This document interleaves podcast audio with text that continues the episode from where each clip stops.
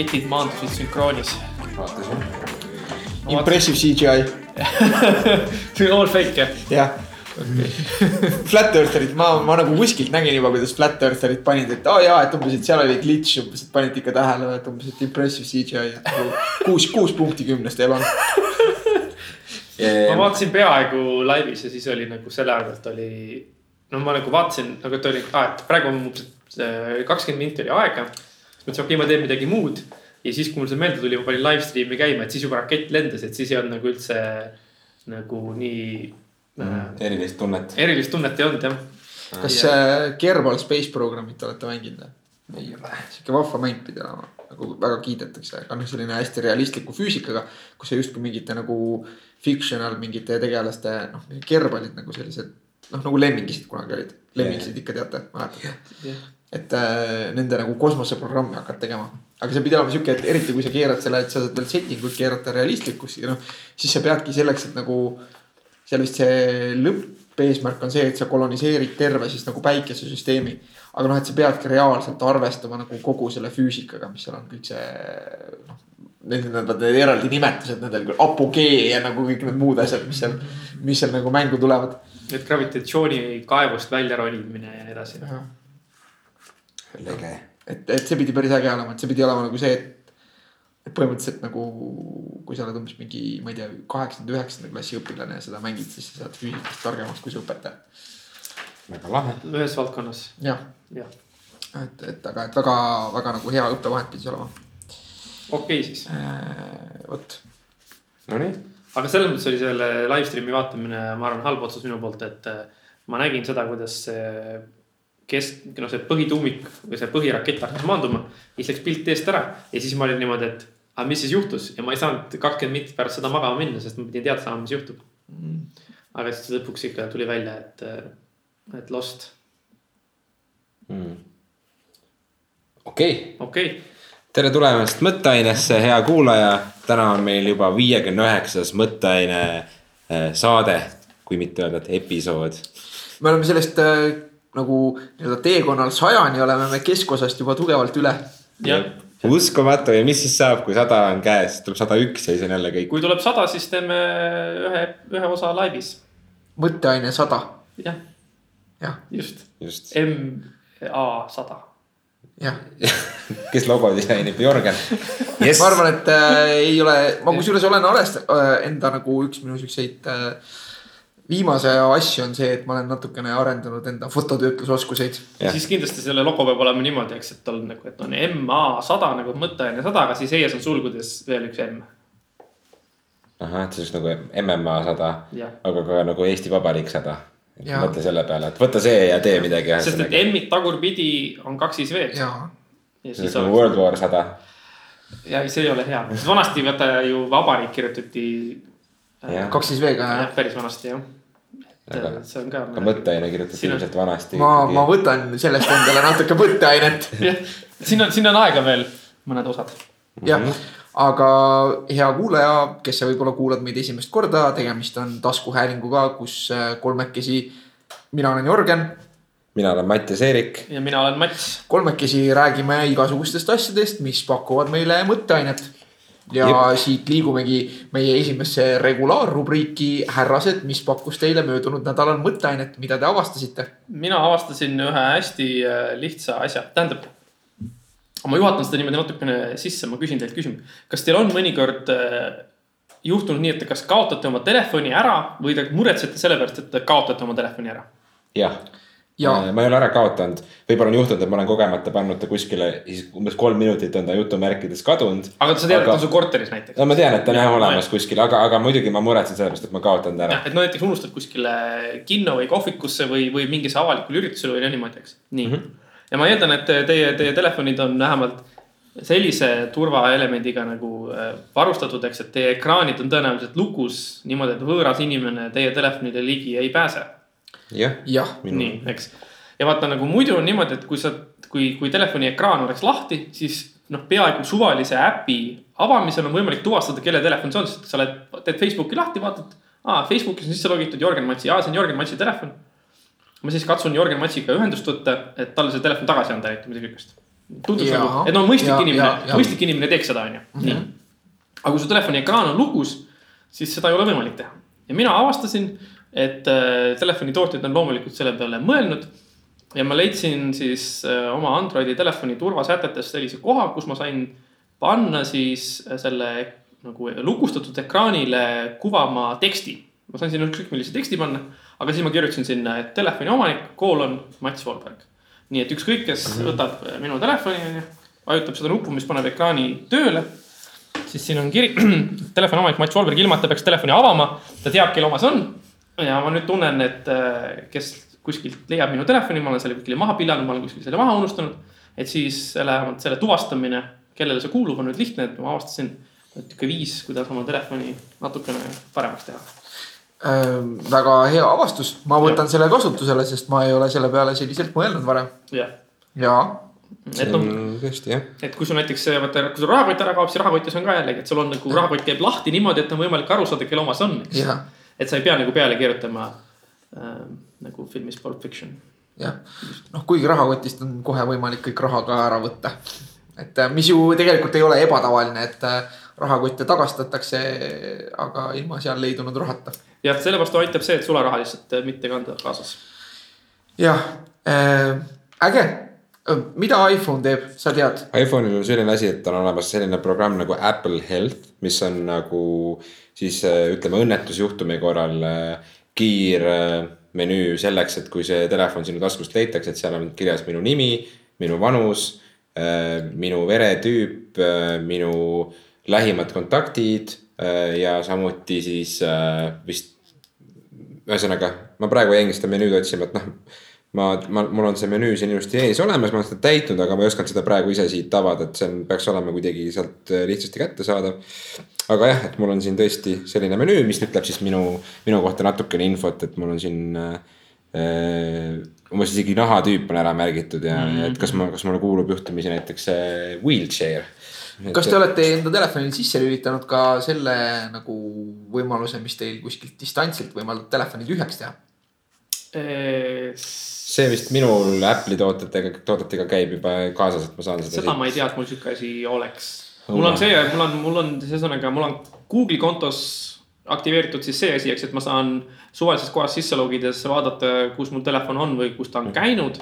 ja mõnda aega ma kasutasin ka sellist äppi on ju, mis siis võimaldas kaamerat sisse lülitada ja vaadata, mis toimub. ja mis siis ka nagu, kui telefoni see on kasutati siis spray või? Braid jah, aga, aga mingil põhjusel minu eelmisel Androidi telefonil see Braid oli kuidagi nagu üliagar ja läks tihti tööle. Ja siis saatis mulle, et vaata, su telefon on kadunud ja siin on selle varga nägu. siis ma vaatasin sealt ennast ja nii edasi, et eh, siis ma mõtlesin, et eh, ma sellest ma nagu loobusin, et ma usun inimeste headusesse.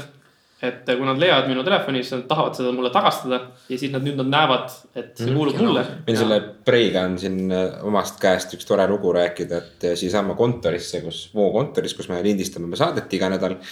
murdsid vist kaks tuhat kolmteist suvi või sügis, murdsid siis sisse vargad. ja varastasid siit kontori riiuli pealt vist kaks laptop'i, kaks Apple'i laptop'i, seal olid Prei programmid olid peal. Me nägime sisuliselt järgmine päev seda, et need laptop'id viidi kaldateel korterisse. nägime seda meesterahvast, kes seda arvutit kasutas, ta vist hakkas seda aktiivsemalt kasutama mingisugune poolteist kuud hiljem. ja võimalik, et ta müüs selle vahepeal edasi kellelegi, igatahes noh, keegi pahaaimamatult seda kasutas, brausis, meil oli tema nägu olemas. politseil oli see informatsioon olemas, aga me ei saanud sellega midagi teha sest et äh, seaduse järgi põhimõtteliselt noh, isegi kui me näeme kaardi peal, et kus see täpp asub. me ei tea tehniliselt, millises kaldatee selle maja korteris ta asub.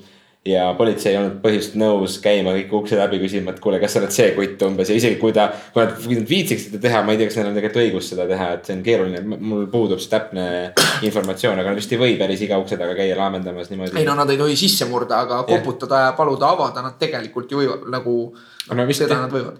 see on päris huvitav, sest ma tean, et ma olen ka Ameerikast kuulnud neid juhtumeid, kus on see, eks, et. et eh, noh, sarnased olukorrad, kus on siis tehn- tehnika on valastatud ja siis mingi sihuke Prei või Prei-laadne toode on ju, ütleb neile, et näed, see, see seadeldis asub seal. me teame, et need inimesed on yeah. nagu need, on ju.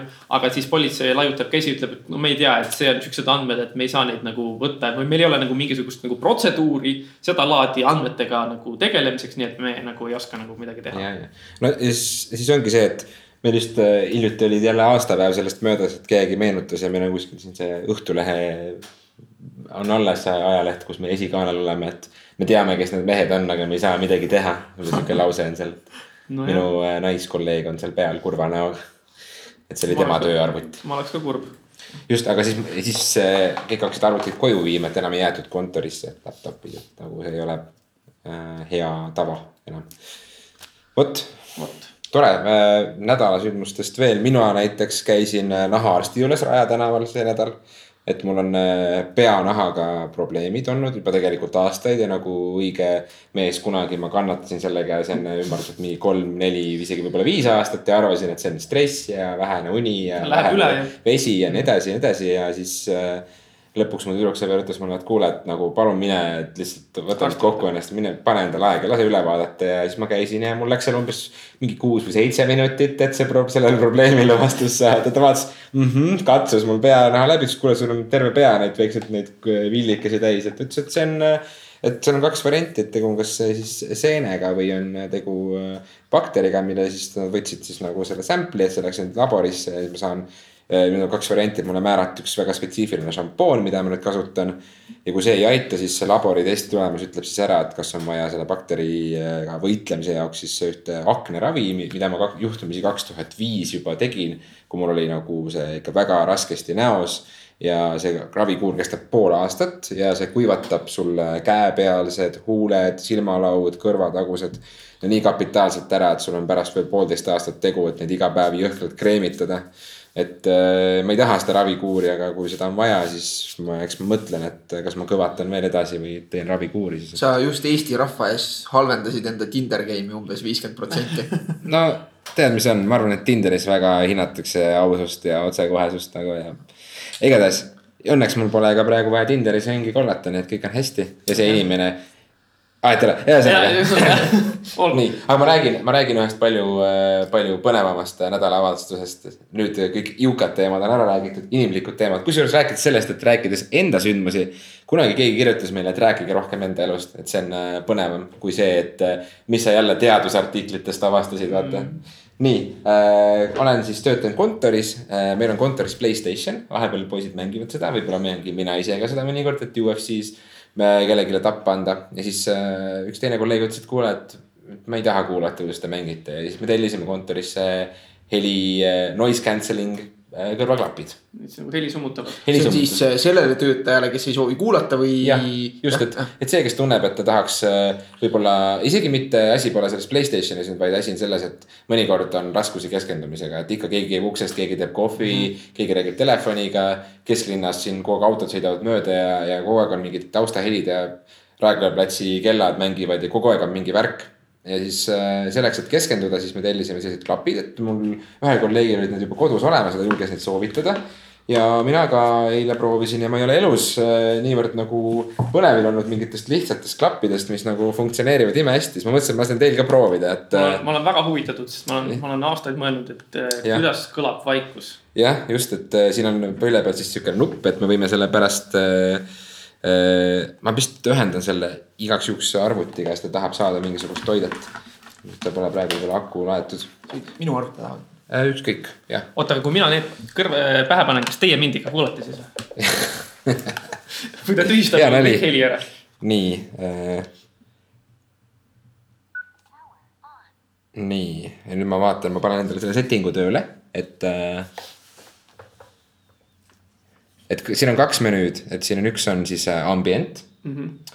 mida ma lasen teil nüüd proovida äh,. Ambient on siis see, et ta äh, kuidas öelda, laseb sul, kui sa näiteks selle, nende klappidega tänaval jalutad mm, -hmm. kuulad muusikat näiteks, et ta laseb sul ikkagi välisheli sisse. küll aga ta ikkagi summutab märksa rohkem kui mingisugused muud klapid, et mm -hmm. ja see ambient tekitab sellise tunde, et see heli tuleb sul kuskilt siit kukla Kaugelt. tagant kuidagi okay. või selline, et äh, proovi. vaata, mis tunne on, kas äh, nii, aga nüüd Teie peaksite jah, rääkima. et, et kuidas sulle tundub see ambientne eh, seadistus? et äh, on, on imelik tunne natukene või? no natukene on küll jah, eriti. aga sa kuuled, mida me räägime. ma kuulen, mida te Jah. räägite. Jah. sest ma ei, ma ei ole õppinud huultelt. ja just ja nüüd äh, võid Jörgenile ka korraks prooviks anda, et see tegelikult raadiosaates võib-olla on kohati nagu igav eksperiment, aga siiski, siiski nagu, et. jah, et selles mõttes, et nagu ma ei tea, kui meie nüüd siin omavahel Mattiasega räägime, onju. vaatame, vaatame, mis numbrid siin juba jooksevad ja niimoodi, eks. nii ja nüüd Jörgenil on need peas ja nüüd Nii. ma panen talle tööle. nii ja sa lülitasid need välja. lülitasin välja või, aa siis tuleb ta just, ütles off. nii ja vaata nüüd ja nüüd sa kuuled meid onju ja blablabla. aga nüüd on äh, täielikult, Nii. nüüd on vaikus. no nii, kuidas nüüd on? nüüd, nüüd me, nii, kas sa kuuled meid või? ja ma kuulen hästi-hästi vaikselt. aa, hästi väikselt või? väga, väga vaikselt. see okay. meenutab mulle seda, kuidas ma käisin, ma käisin seal Tallinnas filmimuuseumis mm. -hmm. ja siis seal filmimuuseumis sai proovida erinevaid äh, neid tehnika asju ja siis seal oli nagu see, see niisugune suunamikrofon. ja, ja. ja siis oli tõesti niimoodi, et sa panid kõrvaklapid pähe ja sa suunasid selle mikrofoni üle toa mm. -hmm. mingisugune kümme meetrit. ta korjas sealt tagant punktist. korjasid tavad täpselt punktist, said kuulata teiste inimeste vestlusi pealt.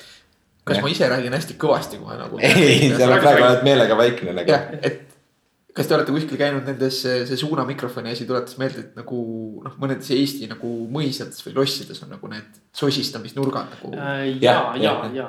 Ja ma siis see- heli põrkab nagu vingelt. jah, Just. et sa, sa kuuled nagu ühes nurgas saad. annab seda ka proovida. jah, jah, jah. üsna veider, üsna veider kogemus tõesti mm. -hmm võib-olla prilliraamid ka natuke häirivad. maksimum, kas maksimumi peal, kui ta näeks praegu Matsi nägu äh,. Võib-olla prilliraamid natuke lasevad sul õhku läbi külged, et sa võid natuke sättida neid, et tihedam on. jah, et see on päris muljetavaldav. see on ikka täiesti teine asi. et see on nagu aitab sul äh, võib-olla tõesti nagu kontoris, mina näiteks tegin niimoodi, et ma ühendasin selle, need kõrvaklapid panin tööle, panin selle mürasummutuse peale ja panin veel Spotify'st vaikselt mingisuguse laulu käima või noh muusika playlist'i. Ja siis ma olin ikka täiesti Aa. väljas nagu. mul tekkis äh, kiusatus äh, nagu mingit mediteerimisäppi kasutada või, või lihtsalt jah. mediteerida. et see aitab ikka suuresti, et näiteks ei kuulnud enam, kuidas minu klaviatuur klabiseb ja, ja, ja see on tõepoolest ikkagi niimoodi, eks, et noh, ma olen, ma ei tea, ma olen pool meetrit teist mõlemast onju ja praegu oli sihuke tunne, nagu ta oleks teises toas rääkinud mm. Mhm. et selles mõttes ma ja ma kujutan ette, et okei okay,, et praegu oli siukene aktiivne vestlus otse minu kõrval. Aga mingisuguses kontorisituatsioonis, kus on niuksed nagu helid, mis on niikuinii kaugemal ja helid, mis on niikuinii niuksed vaiksemad. kuidas ta ikka need võiks täiesti ära tühistada, et siis ongi niimoodi, et istud täielikus vaikuses. no just, see on küll väga vägev masin. minu meelest oli see ka hästi põnev avastus minu enda jaoks samamoodi, et, et siin äh, põhimõtteliselt ma ei tea, mis nende seeria nimetus on.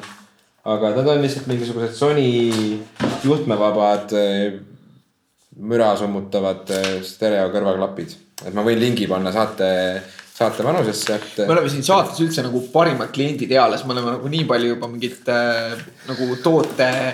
noh, ükskõik mingitest meile meeldivatest toodetest rää, rääkinud äh, ilma selle eest, et me selle eest midagi saamata. oleks üldse saamata. Jah. et ega meie väljavaated seda sponsorlust saada sellest nagu paremaks ilmselt ei lähe. tõenäoliselt jah, kuigi Sony võiks meile kõigile need klapid saata, ei, see on ikka päris haige jah. jah, see on täiesti lihtsalt nagu, et oled nagu mingisuguses vestluses või oled mingisuguses, ma kujutan ette, et eriti ränk võiks olla see, et kui on nagu niisugune noh, nagu üleüldine sumin. et noh, sul võib-olla on neli või viis vestlust, mis korraga toimub ja siis on niisugune üldine foon ja siis sa paned need pähe ja siis on nagu lihtsalt. Sihuke kohvikukontori nagu Mm, mhm. asi oleks väga kihvt sellega, ja, et äh, ja ma lugesin, et need klapid vist to- toimivad niimoodi, et nad suunavad nagu mingeid laineid vastu või kuidagi, et Mm. see on mingi haige, haige tehnika, kuidas nad selle on kokku pannud, et äh, see on ilmselt põnev. no nad tekitavad nagu helile nagu vastand, nii-öelda nagu vastandvõnke. et põrkavad välja poole, et, et see, mis sisse tuleb, läheb välja tagasi. ja samal ajal tegelikult, kui sa tahad, sa saaksid sealt ka veel omakorda mingisugust näiteks just täpselt nagu sa enne ütlesid muusikat. ja, ja see on lasta. klapid, et, et ongi see, et, et äh, see töötab suurepäraselt, siis mina näiteks paningi, panin need heli summutamise peale ja panin klapist, söösin äh, oma Spotify playlist'i sisse vaikselt mängima. mingi väga rahulik playlist oli ka ja hästi mõnus oli niimoodi vaikselt äh, keskendunud tööd teha, et ma arvan, et õppetegevus. arvuti taga töötamine, kirjatöö ja siuksed asjad on võib-olla suurepärane viis, kuidas sellist asja parandada, proovida. väga mõnus. vot, nii palju siis minu avastustest, peanahk ja kõrvaklapid.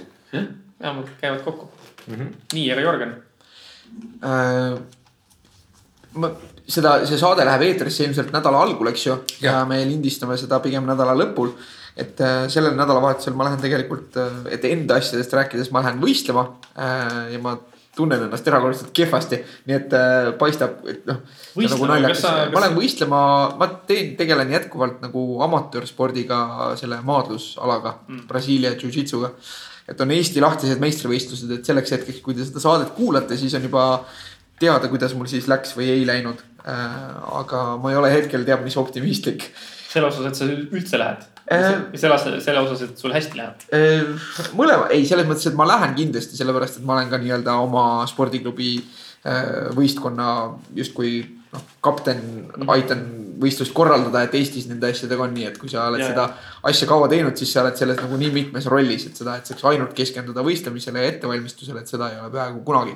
aga eks siis paistab ja, ja siis on veel see, et, et palju sebimist on olnud sellega, et me nüüd äh, Äh, reedel oleme Intellektika messil oma spordiklubiga ja, ja tegelikult mu sihuke isiklik avastus ongi see, et, et järjekordselt ma olen ilmselt nagu erinevate tegevustega nagu ennast liiga ära väsitanud, et, äh, et ma sain paar päeva rohkem magada ja, ja see on hästi nagu inimestel sihuke tavaline kogemus, klassikaline on see, et et äh, minnakse puhkusele või võetakse töölt nagu mingi väike puhkus ja siis jäädakse kohe haigeks või nagu tundub, et, ähm, et, et mind on nagu tabamas sama asi, et iseasi, kas just päris haigus, aga, see on tegelikult nagu väga tavaline, et, äh, et, et nii-öelda sellise stressi tingimustes siis keha nagu nii-öelda kompenseerib hästi palju ja, ja mhm. töötab nagu täistuuridel. ja, ja siis, kui sul tekib see puhkuse moment, siis nagu noh, immuunsus ja, ja, ja kõik tegelikult langeb. ja, ja siis inimesed noh, tekib see tunne, et oi, et ma poleks nagu pidanud puhkusele jääma. kuigi, kuigi tegelikult see on nagu ainuõige, sest Just. nagu kui see krahh oleks tulnud nagu sealt selle, selle otsestressi pealt, et siis see oleks kindlasti veel hullem. noh, mitte minu puhul, see ei ole nüüd mingi krahh, see on lihtsalt sihuke väike kõikumine, aga aga, aga et ma saan aru, et ma olen ilmselt nagu igas valdkonnas natukene üle pannud nagu viimastel nädalatel. aga, ja, ja siis avastus ongi nagu see, et ma peaks ennast nagu jooksvamalt paremini jälgima ja rohkem puhkama.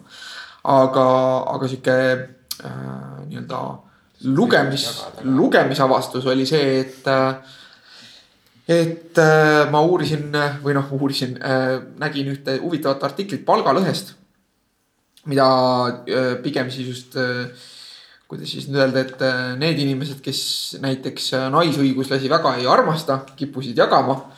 ja, ja see oli siis sellest, et Uberis tehti uuring, kus uuriti siis seda, et miks Uberi juhtidel näib olevat sellises Ühendriikides, miks neil näib olevat nagu seitsmeprotsendiline palgaerinevus.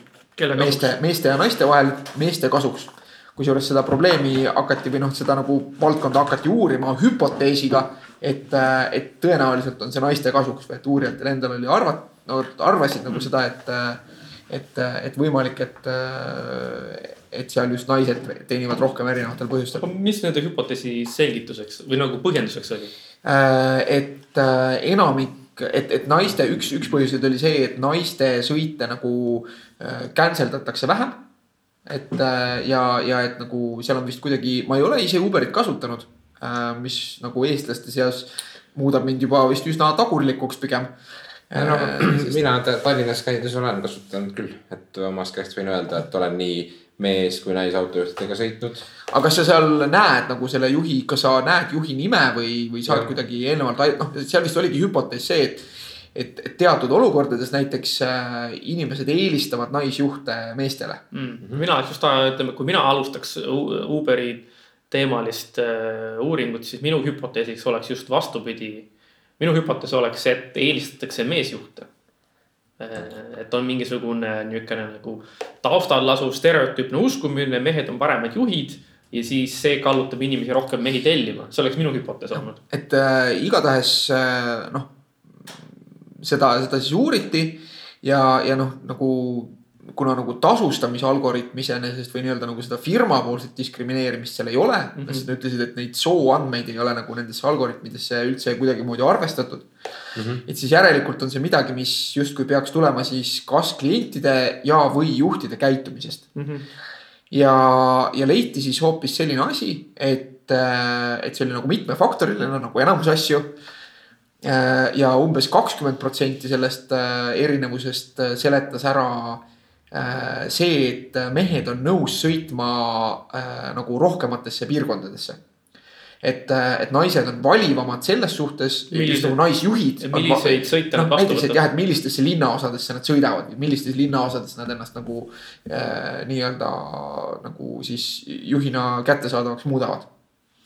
Mis tundub mõistlik, arvestades seda, et. et see on turvalisuse just, küsimus. just, et Ameerika kontekstis võib tõesti olla, ma ütleme Eestis ma ei kujutaks ette, et oleks nagu väga niimoodi, et see nüüd on nagu terve linnuosa on siukene, et see nüüd on oluliselt niivõrd palju kahtlasem, aga no ma ei tea, aga ma ei tea, noh, et juhina võib-olla sa mõtled näiteks, et on mingi linnaosa, kuhu sa näiteks õhtuti sõita ei taha või. võib-olla tõesti tegelikult ikka jah. Või et, või, või teisest küljest, et sa ei ole nõus nagu järgi sõitma näiteks kuskile, noh, kui mõelda näiteks Tallinna peale, et sa ei ole nõus mingisse väga suvalisse kohta kuskil linnalähedases piirkonnas näiteks sõitma. Mhm, mingisse, mida sa ise ei, ei tunne näiteks või ei, ei tea, mismoodi see on. aga see oli ainult kakskümmend protsenti. ja, ja kolmkümmend protsenti äh, seletas kogemus, mis tähendab seda, et, et seal Uberis pidi olema väga selge seos, et äh,, et nii-öelda nagu rohkem kogenud juhid teenivad rohkem. rohkem kogenud on seda, et nad on kauem lihtsalt ajaliselt kauem Uberis töötanud ja, ja Uber. ja, ja Okei. okay. keskmiselt, keskmiselt naised töötavad lihtsalt Uberis vähem.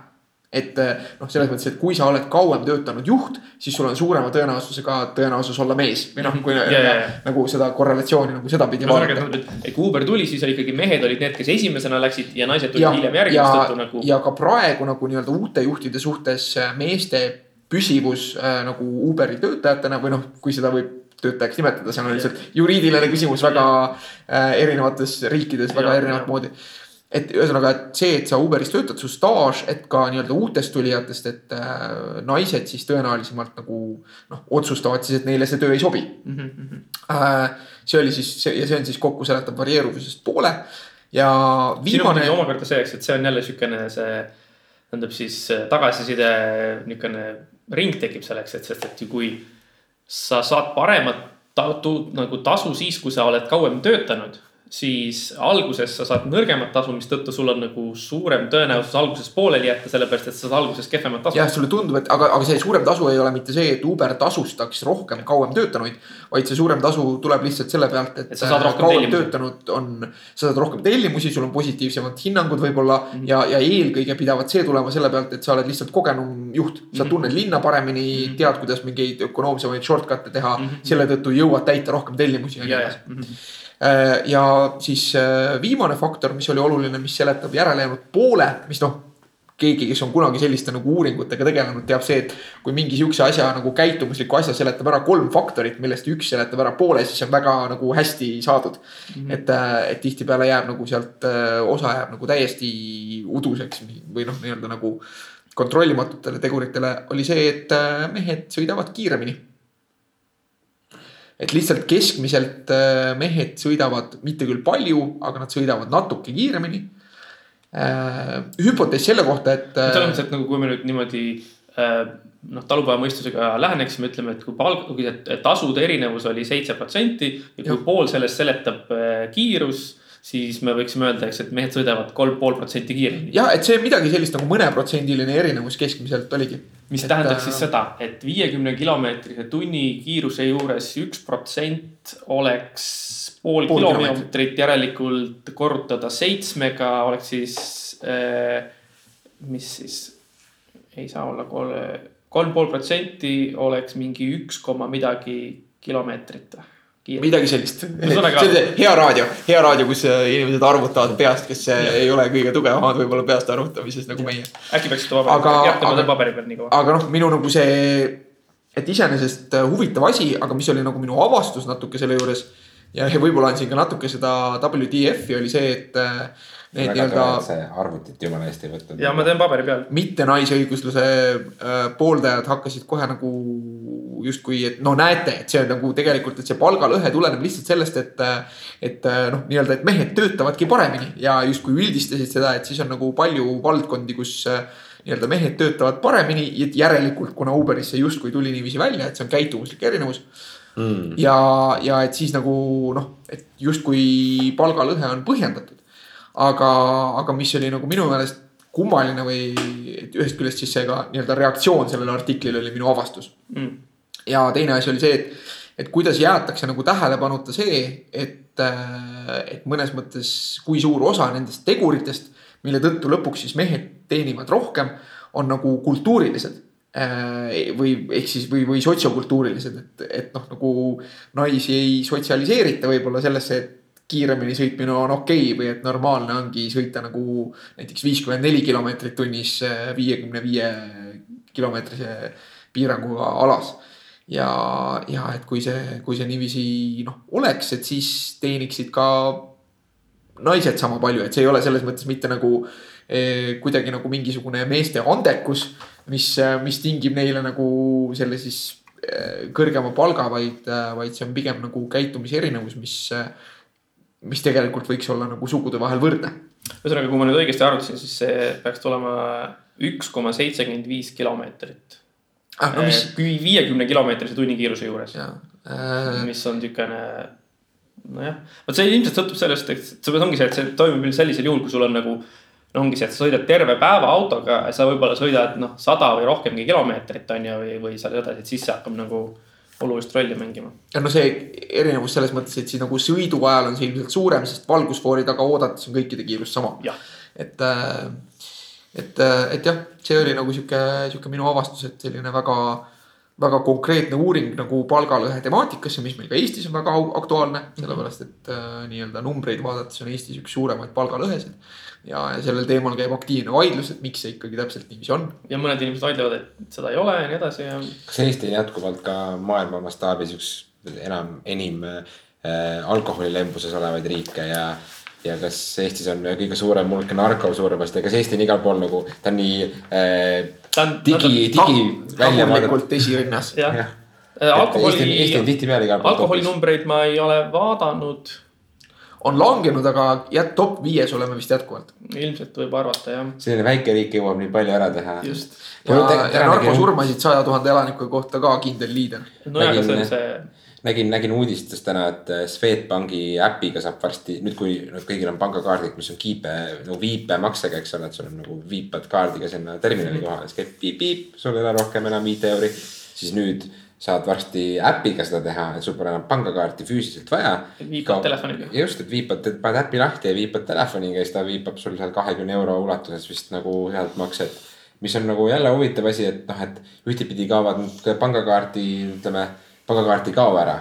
sest et sa suuri makseid ikkagi teed sellega, onju, aga need väiksed maksed, pisikulutused, toidupoe käigud võib-olla see, kus see kiip tegelikult kulub nagu kaob ära, et võib-olla, ma ei tea, mina olen näiteks viie aasta jooksul vist mingi. Ongi umbes viis korda kaarti kasutanud, sest et see kiip lihtsalt ütleb, et, et vigane kiip, sisesta kaart uuesti või midagi sellist ja, Et- ja. no nüüd läks sellest käest ära, aga igatahes selle postituse all oli kommentaar, et Eesti on selline huvitav riik, et paljud meist midagi ei tea, aga me siin omaeskis nagu teeme igasuguseid hullusi nii digitaalses keskkonnas kui ka nagu füüsiliselt. ja, see on tore ja, ja see läks täiesti lappama nüüd. jah, see ei haakunud väga selle teemaga, aga sellest pole midagi, sest see viipemakse teema oli ka põnev. nii, aga kas miski pani kulmu keritama, ajas marru, pani küsima, et no mida nagu, mis mõttes, mis mõttes nagu? mis mõttes nagu WTF? mul oli eelmise nädala teema jätkuks, kui me eelmine nädal rääkisime sellest, et äh, minu WTF oli see, et äh, The Last Jedi ehk viimane jedi oli äh, vegan propaganda ja et mõned inimesed nagu on marus selle pärast äh,, siis nüüd see sai omale jätkuloo. sest praegu paljud inimesed arvavad, et The Last Jedi on gei propaganda. et oota, avastati oot, oot, oot, oota, ma nüüd mõtlen selle filmi peale, et kus seal see tuli. See peaks, okei okay,, ma ei, seda ma tõesti ei näe. ja see on taas seotud nende väikeste pingviini moodi loomakestega. Porgidega. porgidega, kus äh, ühe nagu kaadri või, või nagu stseeni, mis seal planeedil siis toimub, selle taustal on näha kahte porgi, kes äh, on ilmselgelt isased, kes miilustavad omavahel et äh, alguses arvati, et see on võib-olla nagu noh, juhuslik, et, et millised need isased ja emased porgid ikka on, aga kuskil nii-öelda nagu Disney poolt tehtud nii-öelda ametlikus allikas on selgelt kirjeldatud, millised on isased ja millised emased porgid. ja ainult isastel porgidel on nagu need oranžid nii-öelda suled silmade ümbruses. nii et järelikult need on isased porgid ja kuna loomulikult selliseid filme tehakse niiviisi, et mitte ükski kaader ei ole nagu juhuslik jah, eriti veel selles, mis nagu puhtalt arvutiga tehakse juurde, et seal nagu nii-öelda juhusele ruumi ei jäeta. siis järelikult on äh, The Last Jedi kui film gei propaganda, sellepärast et seal on äh, samasooliste porgide suhe võib-olla see oleks olnud veel suurem propaganda, kui oleks peeniste asemel väiksed lightsaber'id olnud, et. siis oleks üksteist säppima hakanud nendega. tähendab äh,, ühesõnaga et ei, ütleme niimoodi, tähendab, et kui on, kui on, kui on programmeerijad, kes on aastakümneid suutnud mängudesse sisse panna mingisuguseid niukseid äh, asju, mis ei ole nagu pinnal selgelt näha ja mida peab lähemalt otsida, otsima. ja mida siis noh, nii-öelda ülemused ei ole üles leidnud ja mida hiljem mängijad on avastanud, eks et siis ütleme, arvestades seda armeed inimesi, noh, seda hulka, seda suurt hulka inimesi, kes niisugust äh, eriefektidega arvutiga genereeritud filmi teeb, on ju. kusjuures ma sain hiljuti teada, et tihti on niimoodi, et äh, mõnele firmale öeldakse, et olenemata sellest, kui palju inimesi teie firmas selle asja projekti kallal töötas, te saate ainult kakskümmend nime panna. eks, et nagu selles mõttes, et tegelik inimeste hulk võib olla veel suurem. siis minul ei oleks küll raske uskuda seda, et et see oli lihtsalt nagu noh, kuskilt kellegi mingisugune siukene. no ma ei ütle, et see on nii, aga see on minu, minu jaoks on täiesti usutav võimalus, et keegi nagu noh, pulli pärast pani sinna selle sisse, mitte nagu sihilikult. noh, minu meelest minu esimene mõte, kui ma sellest lugesin ja noh, oli nagu WTF sellega, et noh, nagu Twitter läks pöördesse, eks ju, selle peale. aga oli see, et noh, kui, kui nagu vaadata asja, et, et keda need porgid nagu meenutavad, siis minu jaoks meenutasid nad võib-olla kõige rohkem nagu pingviine ja, ja kui mõelda selle peale, siis noh, stereotüüpselt, kui, kui rääkida nagu homoseksuaalsetest suhetest loomariigis.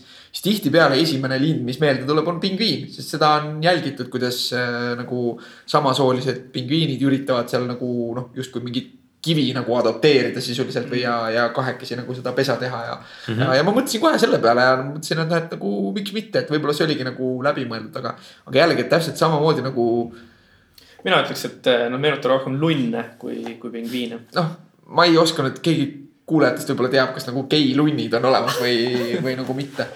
aga jah, aga... tähendab, kui sul on üks, noh, see ei saanud olla rohkem kui sekund, eks, või kaks. ja, ja see on taustal siis eh, palun ande, andke andeks, aga see ei ole propaganda. väidetavalt äh, olevat olnud äh, nagu siis selle stsenaariumi justkui mingis mustandis ka versioon sellest ühel hetkel äh, kuidas äh, siis äh, Finni ja Poe Dameroni vahel hakkab arenema homoseksuaalne armastussuhe. selle kohta ma olen kuulnud jah spekulatsioone. et, äh, et selles mõttes selle kohta ma olen kuulnud tõesti, aga nagu.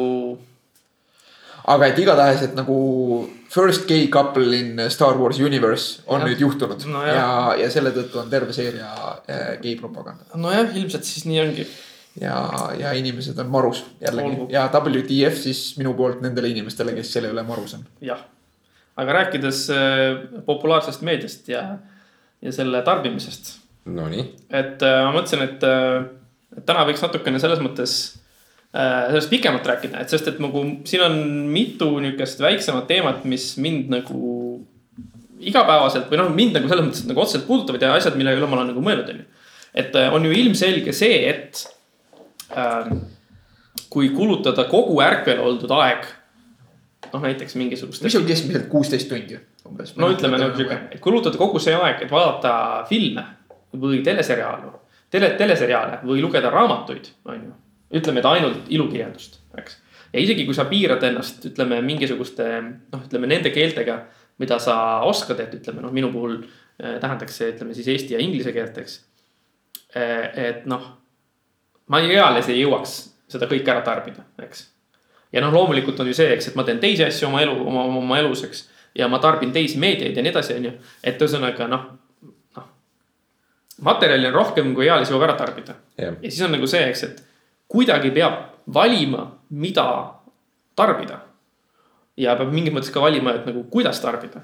ja selles mõttes noh, ma arvan, et siin on nagu minu meelest mõned niisugused huvitavad ähm, huvitavad asjad, mida, mida arutada. et no üks asi on siis nagu see, et, ähm, et mille alusel nagu valida, et seda, et mis on need raamatud, mida sa loed, mis on see muusika, mida sa kuulad, mis on need filmid, mida sa vaatad, mis on need mängud, mida sa mängid, on ju.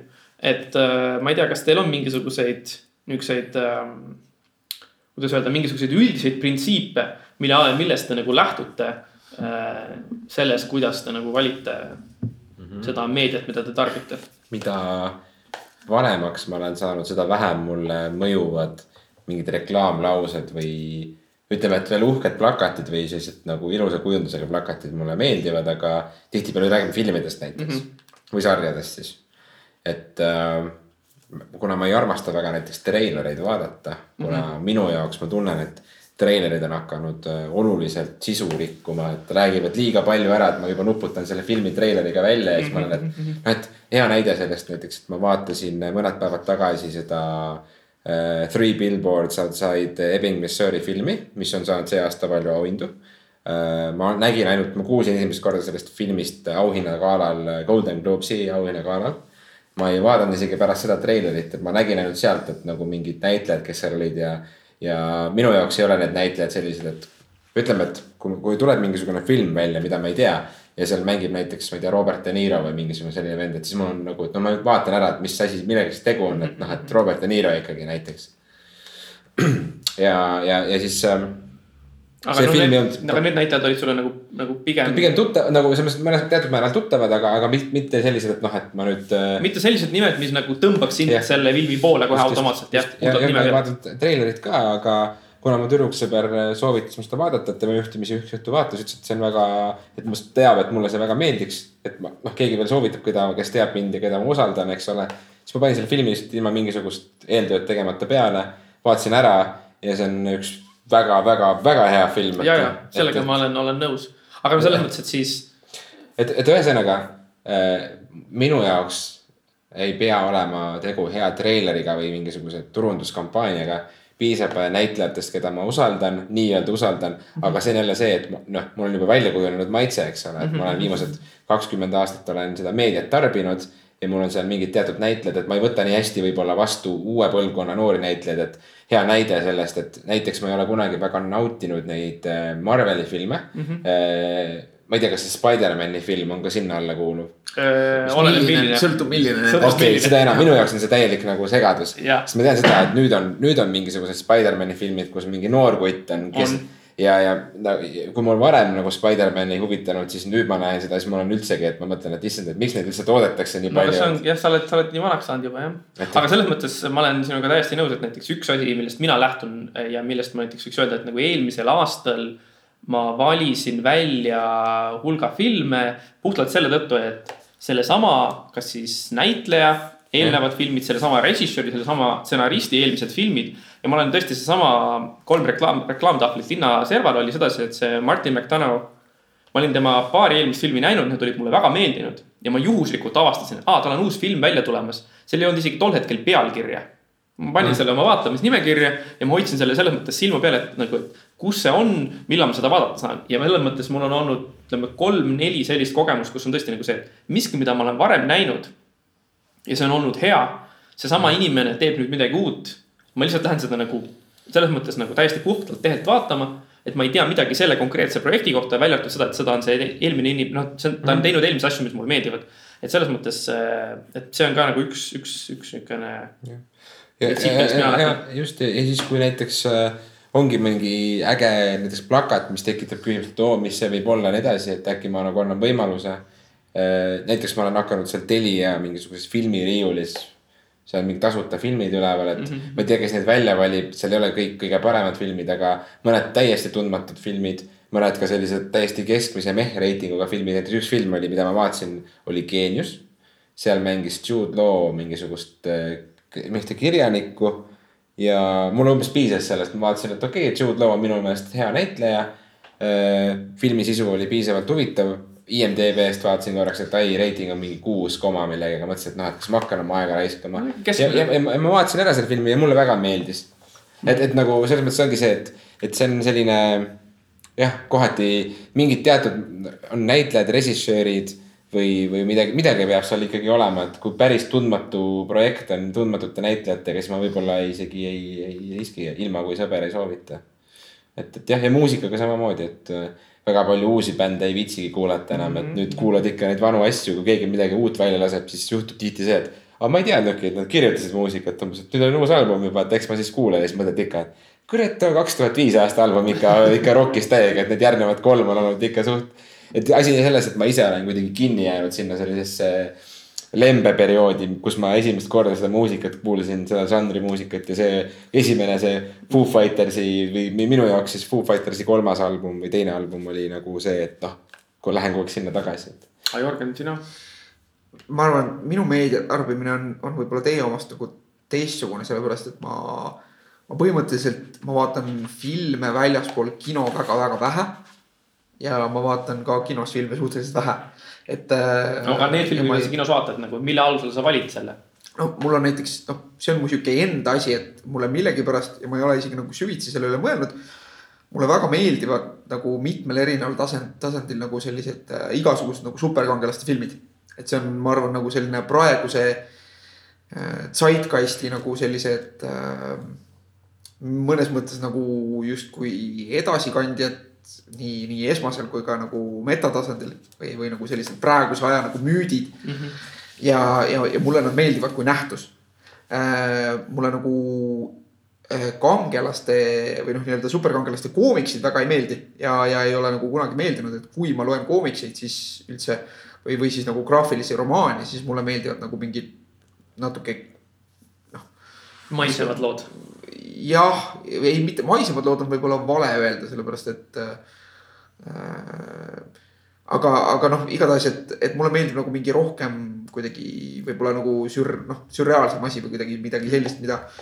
mida nagu nii lihtsasti filmikeelde ei saa panna, aga, aga, aga filmidena mulle just meeldivad, et ma olen vist kõiki neid Marveli filme näinud äh,. enamikku DC omi, noh, neid ei ole väga palju tulnud ka kuni selleni välja, et siis ma käisin vaatamas ka siis äh, Vene nagu Vene. Zašitnikit. just, just sellest ma mäletan, et oli juttu The. Guardians jah Jah. et. äh, See oli see jääkaru, kellel oli ja, ja just, et nagu liba või noh, werebear minigun'iga. Jah. et äh, mida muud veel vaja sellisel no aga Vene karu ikka jah. jah, et, et mulle seda tüüpi filmid meeldivad kui nähtus ja ja seetõttu on sul ilgelt lihtne, eks, et kui sul Jah. on mingisugune, see on täpselt nagu see, et sul on mingisugune asi, mis on sinus. Mis ütleb sulle, et need filmid on need, mis mulle meeldivad ja seetõttu Jah. on sul on nagu, et no kui sa kinos käid niigi harva Jah., siis sul on nagu selles mõttes. et mul on see valik lihtne ja Lihtne, et, jah. et noh, et nagu et kõik need filmid ei ole mulle võrdselt meeldinud mm. -hmm. et noh, et, et seal on see väga, väga nagu erinev. aga noh, ma juba näiteks planeerisin ära, et, et tõenäoliselt vabariigi, Eesti Vabariigi sajandal aastapäeval ma lähen kinno Musta pantrit vaatama, sest see. või, või siis päev varem, et, et vaatab, see Eesilt peaks kahekümne kolmandal esilinastuma, et see on kindlasti üks selle aasta oodatumaid filme minu jaoks. Mhm, Äh, ja, ja, ja mina just vaatan, ma vaatan üsna palju treilereid ja näiteks nendest filmidest ma tihti vaatan ka veel enne filmi nägemist, vaatan nagu treilerite mingeid breakdown'e. Kus võetakse treiler nagu kaader kaadrilt lahti. Äh, see on, mis aitab sul siis mida, rohkem sisse elada, kuidagi tuleb suurem elevus. Äh, ma tunnen, et ma saan nagu sellest taustast nagu paremini aru, sest näiteks ka nendes treilerite breakdown ides ja hiljem ka nagu filmide breakdown ides seletatakse väga palju näiteks seda koomiksi tausta, mida ma ise lugeda ei viitsi. Äh, ja, ja kus seda nagu noh, seda mahtu on lihtsalt nagu nii palju. ja, ja sisu nagu selle mahu peale on suhteliselt vähe, aga ma saan nagu need olulised asjad nagu kuidagi aru või, või nagu need paralleelid, et kuidas need lood jooksevad või. selles mõttes siis võiks öelda niimoodi, eks, et nagu, et üks sihukene põhimõte veel lisaks, millest sa lähtud oma meedia tarbimisel on nagu see, eks, et mõndade asjade puhul, mis on siis koomiksid, sa eelistad siis nii-öelda tarbida teiste inimeste mm, kokkuvõtteid. Et keegi teine on kõik need koomiksid ära lugenud ja need ära seedinud Jah. ja need ja siis ta lihtsalt teeb nagu, et aga näed, siin on see. jah, kuigi, kuigi nagu päris neid koomiksi kokkuvõtteid just nendest superkangelaste nagu ridadest, selle noh, ma mingil hetkel natuke vaatasin ka neid, aga, aga noh, sinna ma ei jäänud pidama, see nagu mulle nii väga huvi ei pakkunud, pigem just see, see seos filmidega ja kuidas see, kuidas see meedium siis, kuidas see superkangelaste maailm, kuidas see realiseerub nagu filmides. mm. -hmm. et, et see on nagu mingi sihuke, see kuskil minu ajus sügab mingit kohta, mis, mis vajab sügamist.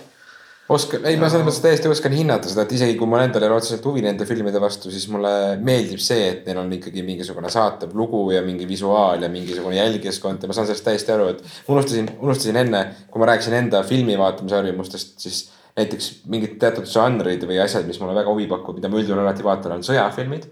ma väga naudin mingeid pikki kolme, kolmetunniseid mingisuguseid keerulisi sõjafilme, mis on ajalooliselt nagu selles mõttes kaheksakümne protsendi ulatuses nagu, nagu tõesed, eks ole, et.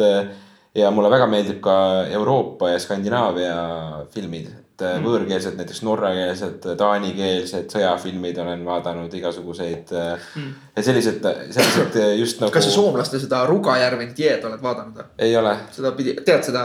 see on see uus mingisugune. see on mingi mõned aastad vana, kus nagu enam, see on nagu luuresolgast, kus nad enamus ajast sõidavad jalgratastega.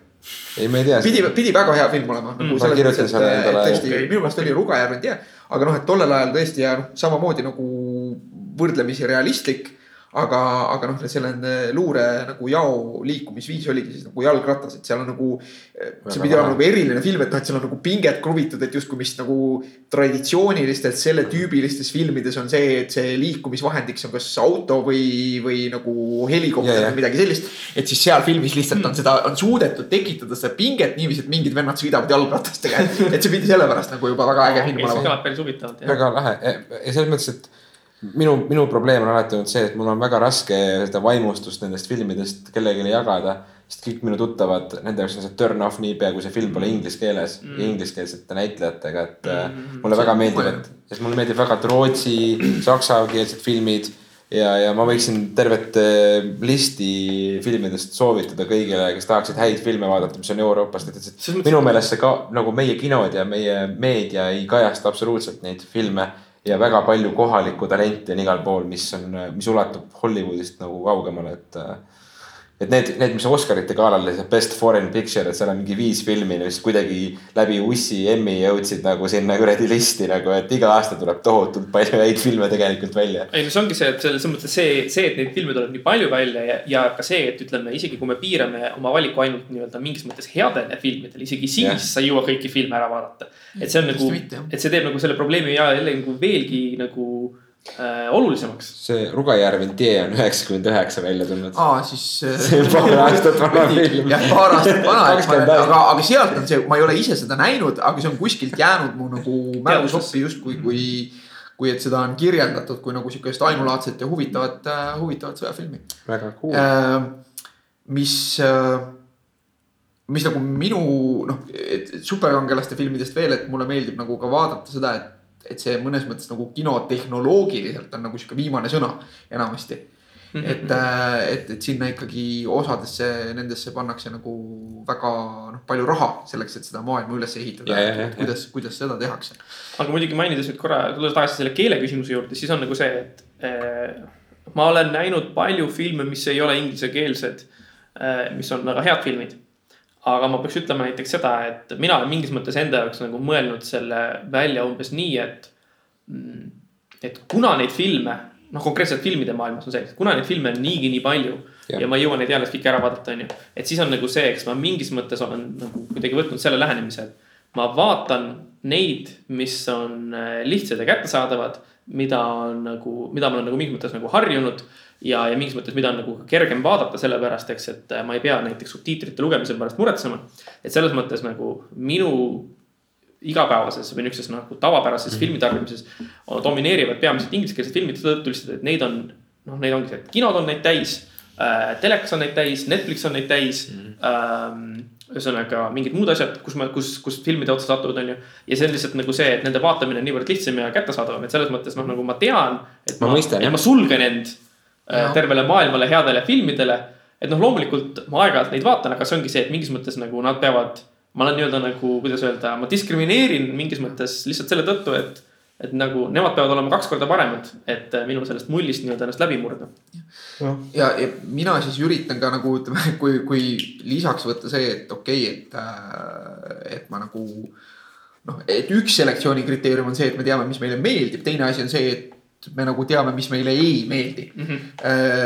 et noh, näiteks mina ei ole näinud filmi La La Land, sellepärast et mulle üldjuhul muusikalid ei meeldi, kuigi seda väga paljud inimesed on kiitnud, eks ju, see oli väga nagu, aga. ära muretse, ära muretse, pole hullu. jah, aga, aga mis ma veel tahtsin öelda, on see, et siis ma ise üritan nagu selekteerida, et kui mulle tundub, et justkui, et mingi film on nagu kuidagi hetke nagu selles kultuuris kuidagi oluline või et, et ta nagu on mingit moodi nagu huvitav või eriline. et noh, näiteks ma võin tuua sellel põhjusel, et sellel põhjusel film, mida ma ilmselt muidu ei oleks kunagi vaadanud, aga ma vaatasin ära Get Out'i mm. -hmm. mis on ilmselt eelmisest aastast üks nagu siukseid võib-olla nagu mainstream kinost nagu üks esile kerkivamaid filme Ja, mitmel ja. põhjusel, eks ju et, et, et seda ma vaatasin, mulle noh, tavaliselt mulle õudusfilmid väga ei meeldi. ma, ma neid ei vaata.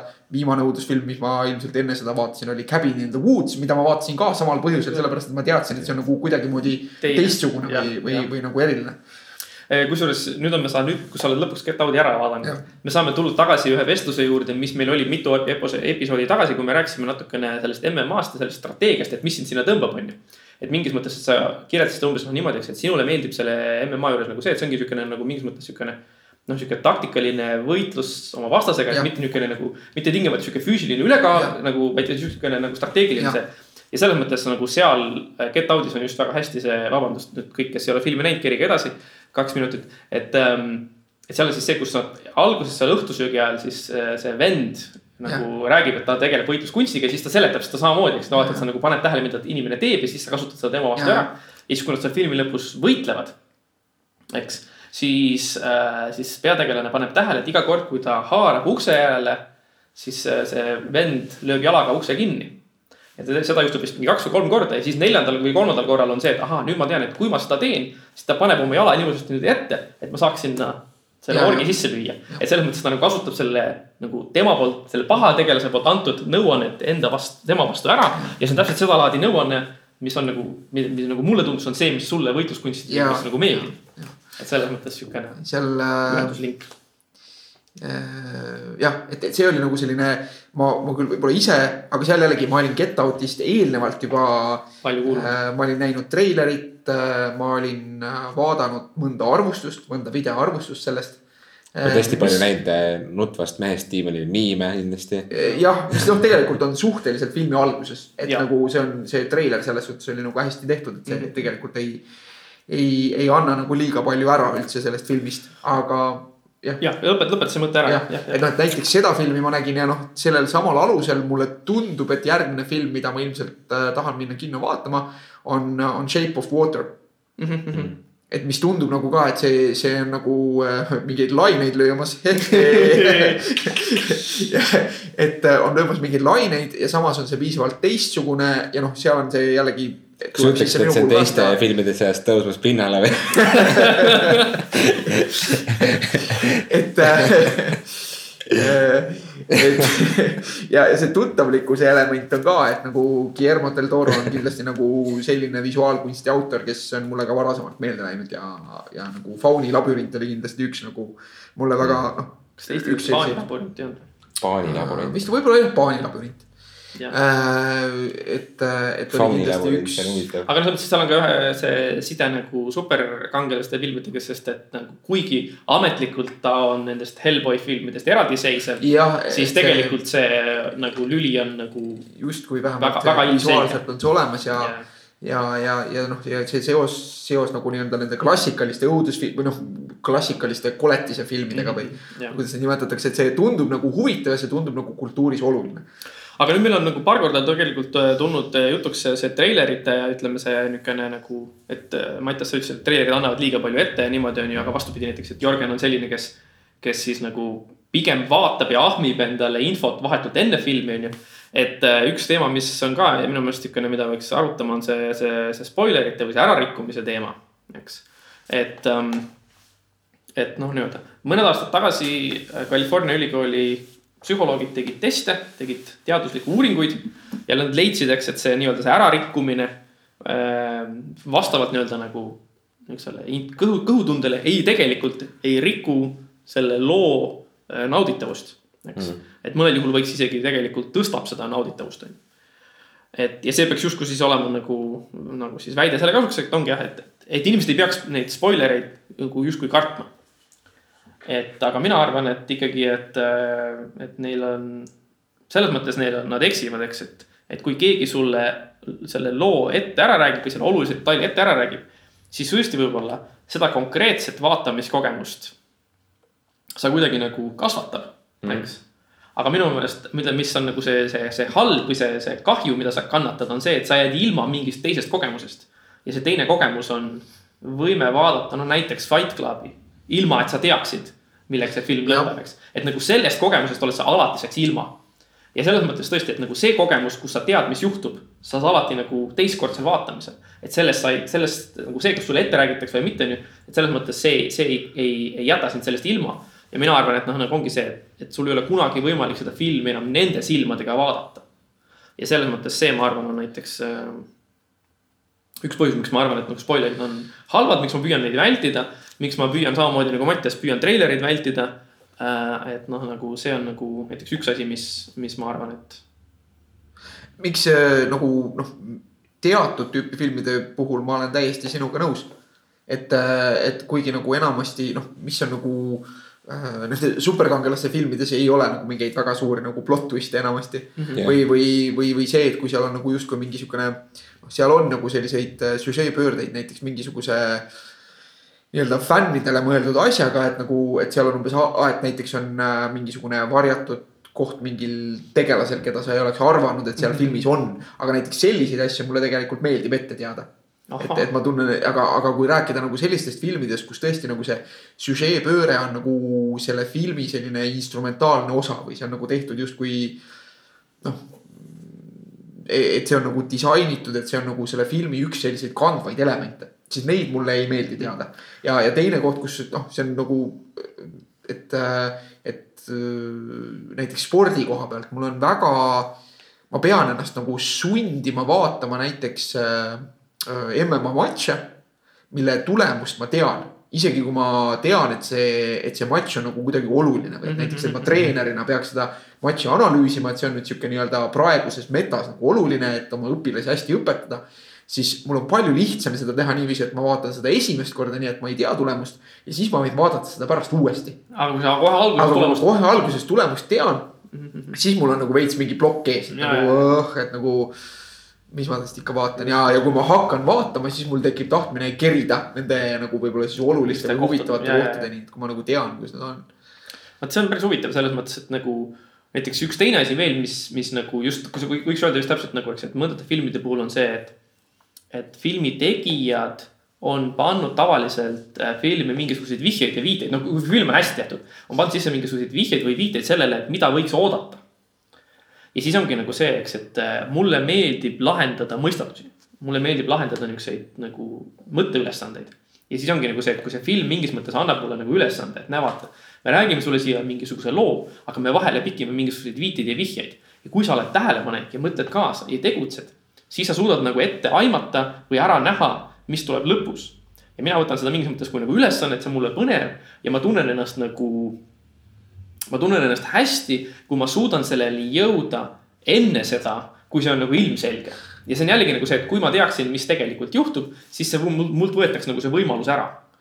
kas te mõnes mõttes nagu sihuke teemavahetus, kas te Indrek Hargla Melchiori lugusid olete lugenud? Mina ei ole. ei ole. ei ole, et, et see on nagu asi, mis, mis mulle nagu filmi teemale võib-olla tagasi, et mis mulle nagu narratiivis meeldib. Ehm, ja miks mulle näiteks, see on sama põhjus, ütleme siis, miks mulle ei meeldi nagu äh, troonide mäng on võib-olla osalt sama põhjus, miks mulle ei meeldi ka äh, või noh, miks ma ei ole nagu suur fänn nagu näiteks Indrek Hargla Melchiori lugudel mm. -hmm. on see, et võib-olla sellest, mida sina kirjeldasid, et sa suudad selle nagu ära arvata, enne kui see päriselt juhtub võib-olla sellest rohkem mulle isegi meeldib, mulle meeldib seesama asi ka, aga sellest rohkem mulle meeldib isegi see tunne, et. et kui ükskõik, et kas see nii-öelda suur paljastus siis toimub ära või ma arvan selle mingil hetkel enne ära, aga et siis on seal, siis ma justkui nagu tagasiulatuvalt näen mingeid niite veel, mida ma ei pannud tähele. ja, ja, just, just, et see on nagu minu jaoks nagu kõige meeldivam ja huvitavam mm. -hmm. ja see on nagu minu sihuke suur kriitika nagu näiteks nende Melchiori lugude aadressil, mida ma meelelahutuse põhjusel olen nagu päris mitmeid lugenud tegelikult. on see, et seal on nagu see lõpplahendus sihuke, et sa näed seda ja siis on nii, et aa et seda nagu ei ole võimalik, et kui sa, kui sa vaatad nagu tagasiulatuvalt, siis see on nagu täielik noh. ma ei tea, kas selles kontekstis võib ka öelda Deus Ex Machina. et, et see loo lahendus on selline, mida sa ei olegi nagu noh, mida ei olekski saanud ette näha, et, et see on küll võimalik ja loogiline, aga nagu põhimõtteliselt ei saa. see on, ma näitasin praegu oma kaassaatejuhtidele seda meemi. meemi, mis on nagu spoilerite kultuuris on nagu väga levinud, et Instagramis kõik, kes vaatavad meeme, siis äh, mina näiteks sain teada, et Vin Dieseli karakter sureb äh, viimases Fast and the Furious'i filmis ära niimoodi, et äh, miim on. me praegu näitame sellist filmi, et, et filmis on nagu way too many spoilers on ju ja siis on autode spoilerid ja siis on ühes aknas on, et Vin Diesel dies in the end. ja nojah siis üks, mina, üks spoiler liiga palju jah. ja mina nägin seda spoilerit hoopis niimoodi esimest korda, et et äh, ma vihkasin, kui ma pidin lapsepõlves neid töid tegema ja siis ühes ruudus oli umbes muru niitmine ja teises oli mingisugune. noh, ühesõnaga mingid, mingid ülesanded ja siis neljandas kastis oli nagu umbes, et Vin Diesel sureb Fast kaheksa lõpus ära, püüdes oma last päästa ja siis ma nagu hakkasin naerma südamest, et see on nii. Nad nagu püüavad neid spoilereid nagu noh, et ma olen kuulnud, et raamatukogudes pannakse nagu raamatute vahele nagu. Harry Potteriga oli vist äh, nagu need lood, kuidas äh, jah, kuskil spoil iti ära väga agressiivselt. inimesed hakkasid tootma neid särke, kus oli siis nagu see suur spoiler, ma ei mäleta, mitmenda osa oli nagu ees kirjas ja Okei, et okei. see muutus nagu väga siukseks suureks. aga see on huvitav, omakorda huvitav nagu teema, eks, et ütleme, et kui, kui, et, et mis on nagu see nii-öelda, kuidas öelda, mis on see moratoorium või no mis on nagu see, et mis on see hetk, millest edasi me ütleme, et, et noh, nagu, et noh, Fight Clubi ei saa enam, me ütleme, et Fight Clubi ei saa spoil ida, et see on nagu äh, või noh, nagu Romeo ja Juliet ei saa spoil ida, et ühesõnaga noh, nagu et ühesõnaga, või tegelikult siin on kaks erinevat asja, üks on see, et Romeo ja Juliet ei saa spoil ida, sest me kõik teame, mis seal juhtub. Aga ütleme, et Fight Clubi puhul on nagu see, et see on kuidagi nagu su enda viga, kui sa nüüdseks ei tea või sa ei ole näinud, eks. Aga noh, mõnes mõttes ei ole, et noh, et ikkagi ju nagu. Ja mingi noorem põlvkond et kui sa, et, et kas siis võiks nagu eeldada näiteks, et inimesed, kes on äh, noh, näiteks kuusteist aastat vana mm. -hmm. Et äh, kas siis tema peab olema olnud nagu piisavalt eksponeeritud, et äh, ütleme, kas näiteks oma lapsevanemana, et ma pean mõtlema, et. et ma siis Fight Clubi peaks näitama oma lastele siis, kui nad on umbes kümme. sest noh, muidu nagu, et hiljem nad saavad raudselt spoil'i. pead ise spoil ima ära, jõulukaardi lõppu kirjutad ühe rea, by the way, Fight Clubi lõpus, mis juhtub. et selles mõttes, et noh, nagu, et noh. vaata, mulle tundub tõesti, et nagu see, et ütleme, et, et mingisugune film tuleb välja või mingi teleseriaal või mingi raamat, on ju. ja siis on nagu see, et nüüd on nagu mingi aeg, kus see, kui keegi sulle lõpu ette räägib, siis on tema midagi valesti teinud või tema on kuidagi nagu süüdi või nagu see kohustus äh, hoiduda lasub neil, eks. aga nagu, et kui mingi aeg on nagu mööda läinud, et siis justkui nagu see on sul kuidagi nagu su, kas su oma viga või see on nagu ütleme noh, see ei ole nagu nii suur halb asi. aga ma mõtlen, et huvitav, mis see, mis see aeg võiks olla, et kui mitu, mitu päeva või tundi või aastat. see on kindlasti erinevate võib-olla asjade ja valdkondade puhul muutuv ja erinev, et see näiteks, kui rääkida MM-ast ja, ja nagu sellest kultuurist, mis, mis, mis nagu meie selles Eesti nagu spordiringkonnas on, siis väga tüüpiline, et ütleme, kui ma mõtlen aja peale näiteks viis aastat tagasi, siis oli nagu nii-öelda see, see aeg, kus inimesed hoidsid ennast nagu spoileri vabana ja, ja, ja nagu tegid kurja nägu, kui sa hakkasid mingitest matšidest rääkima. mis olid näiteks laupäeval toimunud, see, see spoileri vaba periood justkui oli noh, põhimõtteliselt nädal. nii, ja sellest on saanud praeguseks noh, maksimum kakskümmend neli tundi. ma ütleks, et äh, jah, selles mõttes niisuguste telesaadete puhul ma ütleks, et see on umbes sama. et ma tõesti ütleks, et nagu kui on mingisugune sari, mille osad tulevad nagu näd, iga nädal välja, siis ma ütleks ka, eks, et kui sa nagu nädal on sihuke maksimum, aga kakskümmend neli tundi on nagu miinimum. ja noh, siis eraldi nähtus on veel, eks ju see, et, et mis nagu võib-olla veel viimane selline popkultuuri nagu tabanud spoiler oli, et, kuidas käituda nagu sellisel puhul oli see noh, Red Wedding, eks ju mm. -hmm. punane pulm on ju asi, millest noh, olid siis kohe need memed ka, et kuulge, et te ikka teate, et need spoileri raamatud on juba aastaid müügil. et, et, et mis oli samas enamike jaoks nii suur šokk, sest inimesed lihtsalt nagu. Ei lugenud raamatut just. mina ka ei lugenud, mina, minu jaoks, mina olin niimoodi, et nagu, haa sa oma reaktsioonivideo ikka filmisid või? ei, sest ma ei saanud ju seda filmida, ma ju ei teadnud, et ma reageerin millelegi.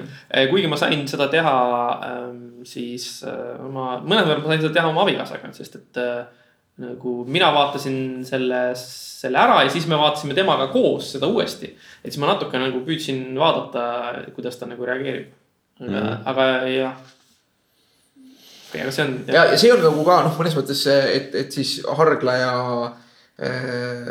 ja siis see, see brain fart, George R R Martin, jah, et äh, tema nagu noh.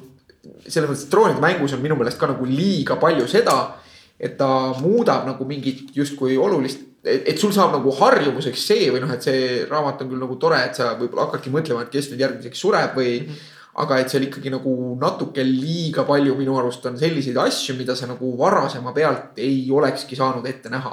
muidugi teleseriaali puhul ei Jah. saa kõike tema süüks panna, eks, sest et seal on. ei, aga noh, raamat on samasugune selles mõttes, et okei. noh, see, see raamat on nagu põhimõtteliselt samasugune, see, see noh. mida, mida nii-öelda algsemate hooaegade poole, siis see võrdlemisi raamatutruu ikkagi oli see adaptatsioon. et, äh, et sellistes nagu olulistes süžee asjades jah. jah, aga mina tahtsin veel enne kui me võib-olla otsi hakkame kokku tõmbama, ma tahtsin avada nagu ühe purgitäie usse, äh, mis mis, mis võib-olla läheb liiga pikale, et vaatame, kuhu me sellega lähme, et aga kaks nädalat tagasi me rääkisime sellest äh, kujutlusmasina, kogemusmasina mõtteeksperimendist. ja, ja, ja ma hakkasin mõtlema selle peale täitsa peale seda saadet kodus millalgi, et aga kuidas nagu selle mõtteeksperimendi raames või, või seesama äh, filosoof, kelle nime ma olen praeguseks unustanud. Robert Nozick. jah, äh, Nozicku nagu see, siis see kogemusmasin Robert, kes kunagi ei võtnud äh, haiguslehte mida ta, mida ta siis ütles, et justkui inimesed peaks väärtustama neid päris kogemusi. et kuidas nagu mõnes mõttes mis iganes teiste inimeste loodud kogemused või, või mis iganes nagu sellised ütleme justkui fikseeritud noh, sisuliselt kogu kunst ja, ja, ja mida rohkem määratletud kunst, kus, mida vähem siis sulle kui nagu tarbijale jääb interpreteerimisruumi.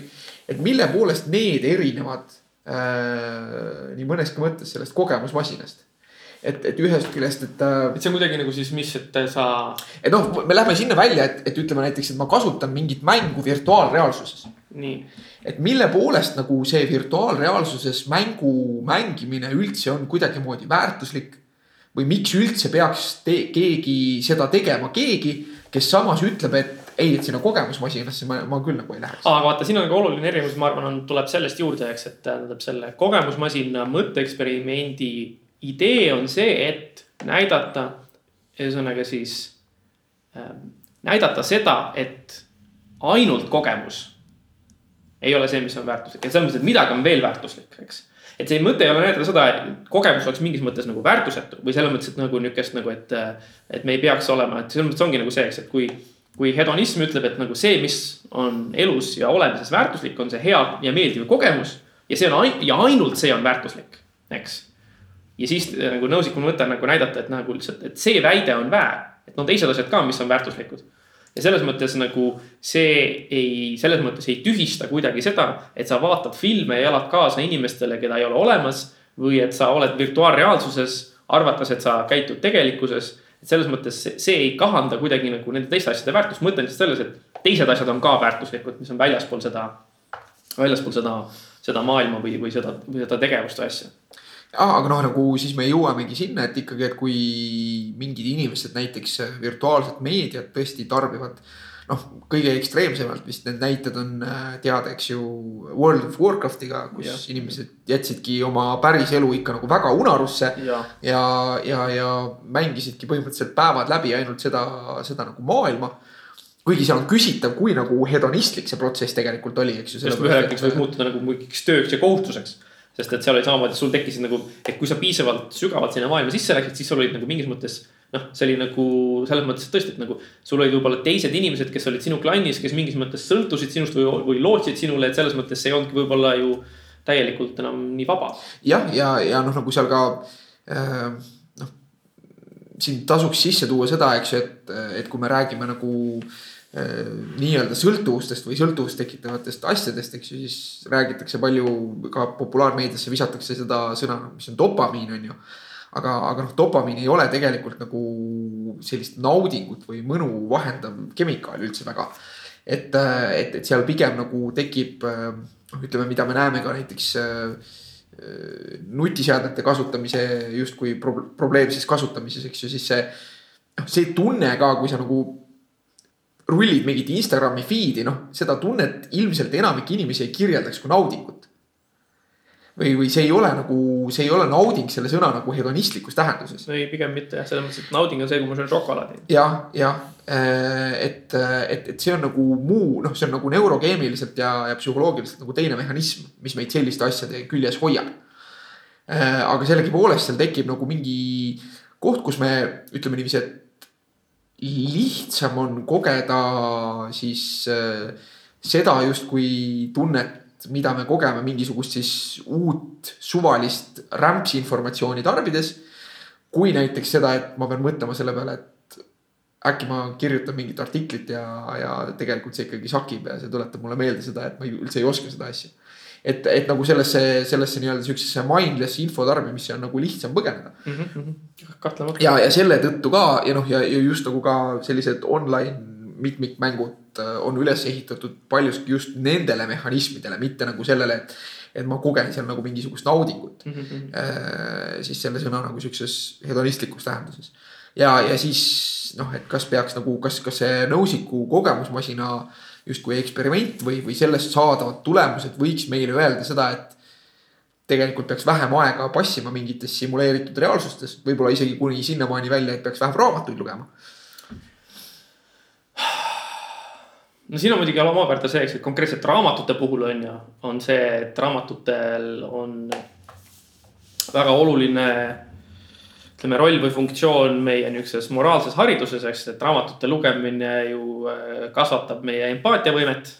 Äh, mingis mõttes raamatute lugemine, täpselt nagu me selles äh, agenda saates rääkisime, et mingis mõttes on see, et kui sa loed mingit lugu, siis lugu seab tegelaste ette mingisuguseid valikuid või seab sinu kui lugeja ette mingisuguse situatsiooni, mis nõuab sind mingisuguste küsimuste esitamist või püstitamist, on ju, või nendele vastamist.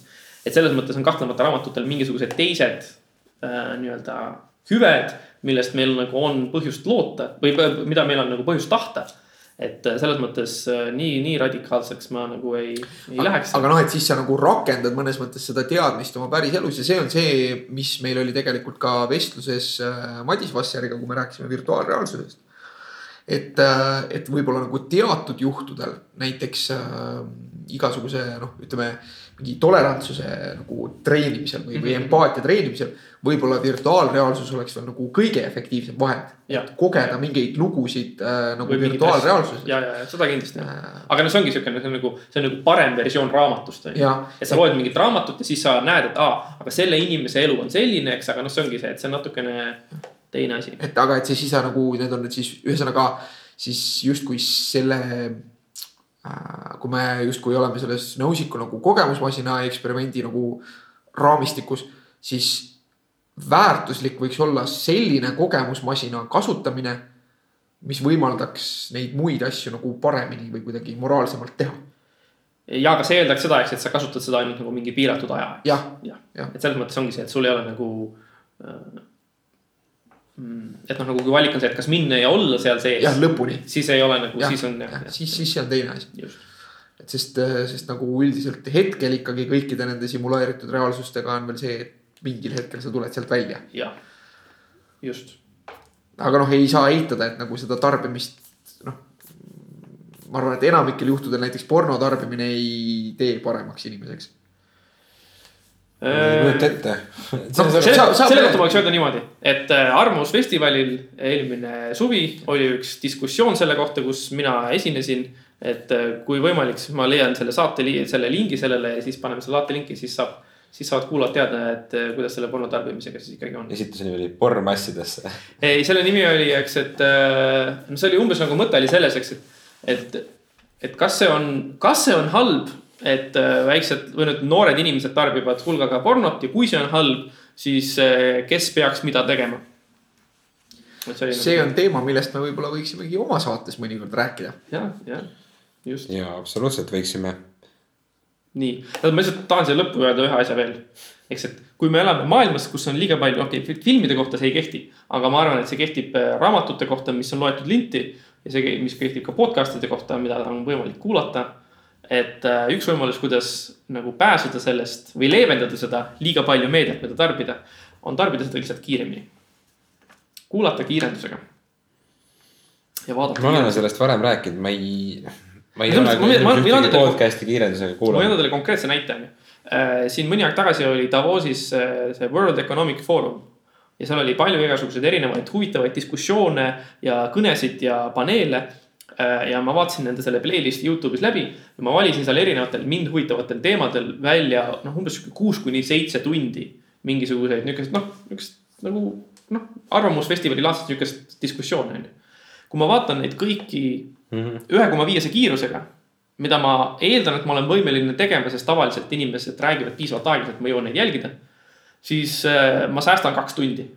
mis tähendab seda, et ma saan, ma näiteks ühe filmi rohkem oma elus vaadata ja mina arvan, et see on nagu oluline võit.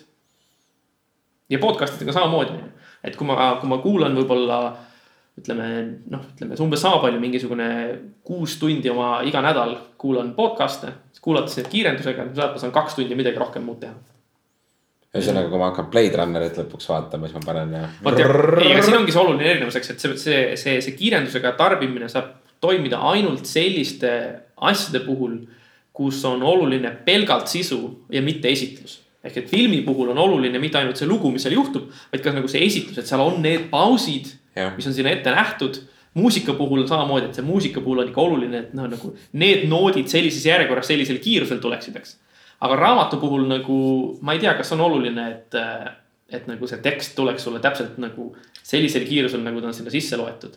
või, või, või nagu meie, meie omavaheline vestlus on ju, et meie vestlus kannab mingisugust sisu.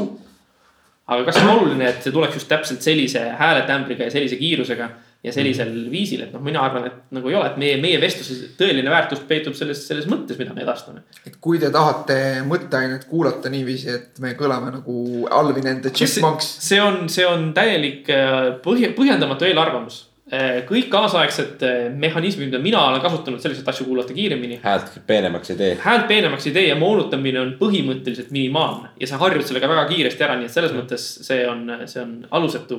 kõik, kõik, kõik need äh, tähelepanu tegemist on ravimiga reklaami lõpud on ka järsku sulle palju arusaadav. ma, ma proovin uuesti, see on asi, mida ma proovin uuesti, sest ma mäletan, et kui sa suvel käisid meil podcast'is külas siis ma seda proovisin ja siis see mulle ei meeldinud, ma ikka tahtsin, et Joe Rogan räägiks nii, nagu ta räägib. no vot siin on muidugi omakorda küsimus selles, eks, et võib-olla sul on praeguseks välja kujunenud selline nagu tugev harjumus, et see inimene kõlab selliselt, eks. ja siis on nagu sedasi, eks, et. sest minul on näiteks nii, et kui ma mõnikord näiteks, ma ütleks, me, ma vaatan väga palju igasuguseid niisuguseid videoessee laadses, laadis nagu niisuguseid Youtube'i videosid, kus näiteks analüüsitakse mingit kirjandusteost või mingisugust filosoofilist probleemi või midagi sellist on ju ja mõnikord on see midagi huvitavat, ma tahan seda abikaasaga jagada. eriti mhm. näiteks me vaatame koos mingit filmi ja siis ma ütlen, et kuule, kas sa tahad vaadata seda videot, mis analüüsib seda filmi. ja siis on see, et tema on nagu enamik inimesi ehk tema tahab seda vaadata normaalsel kiirusel ja siis minul on nagu imelik, sest et mulle tundub see hääl nagu natukene joobes, sest ta räägib nii aeglaselt, eks. sest mina olen tänaseks juba harjunud enamike nende inimeste selle kiirema häälega. aga ma ütleks, et inimesed harjuvad suhteliselt kiiresti erinevate asjadega, nii et ma ei tea, ma arvan, et see võtab sul võib-olla kaks episoodi seda Joe Roganit ja kolmandat. tal on, äh, tava, tal on väga pikad saated ka, mida ma tihti jätan kuulamata selle tõttu, et ma arvan, et vot see episood, et see episood selle tegelasega, et seal nagu see aja investeeringu ja saadava kasu suhe näiteks ei ole piisav mm, -hmm. et võib-olla jah, et äh, see on see, et tulen tagasi uute kogemustega, jagan teiega et noh, selles mõttes tõesti konkreetselt, mis puudutabki, mis puudutab podcast'e, mis puudutab äh, siis nagu neid audiobook'e ja mis puudutab informatiivsemaid Youtube'i videosid, kus ei ole nagu siukene noh, nagu mingisugune fiktsionaalne looming, vaid ongi nagu see, et näed, siin on mingid minu mõtted, siin on mingid minu analüüsid, siis ma ütlen, et noh, nagu ma tarbin neid kõiki piisaval hulgal tunde. et see üks koma viis kiirus või üks koma kakskümmend viis kiirus sealt nagu võidab mulle nii palju, palju lisaaega, et ma saan lihtsalt selle võrra nii palju rohkem asju tarbida. ma kuulasin ühte audiobook'i, mille oli sisse lugenud Ron Perlman. seda ma küll teistmoodi ei oleks tahtnud kuulata. ja võib-olla tõesti jah, et see muidugi sõltub omakorda, et noh, mis on see. sulle ei meeldi, kui Ron Perlman sulle väga kiiresti kõrva sisse räägib? no Ron Perlman on, ta on ka sihuke väga spetsiifilise häälega, et, et seda kuidagi nagu moonutada seal oli nagu noh, selle audiobook võib-olla see ise nagu nii hea ei olnudki, aga see noh, nii-öelda peale lugemine juba iseenesest oli nagu sihuke äge aga ütleme, mina, mina julgen soovitada ja ma tean, et ma olen kuulnud, et teised inimesed kuidagi nagu noh, nagu Jörgen nagu natukene praegugi, et vaatavad ülevalt alla sellele ja ütlevad, mis mõttes on ju. aga no tõesti, eks, et kui mul on valida, et noh, ongi see, et kui palju mul ongi, mul on noh, näiteks ütleme, et mul on kakskümmend neli tundi nädalas, mis ma suudan mingisuguste meedia tarbimise peale panna, eks mm. -hmm. ja siis ongi see, kui ma tahan sinna võimalikult palju sisu siis äh, ma teen seda kiiremini, nii et ma arvan, et see on nagu kõikide nagu siis loojate endi huvides. mina sain ühe meie saate tagasisideks seda, et äh, on kohe aru saada, milline teist kolmest kuulab asju kiirendusega. aga see ei olnud üldse negatiivne tagasiside, et see... äh, oli nagu selles suhtes, et väga positiivne on keegi, kes võib-olla kohati minu ja Mattiase uimasust tasakaalustab. Nonii. tõmbame joone alla. järgmine nädal uuesti. Aida. tšau. tšau.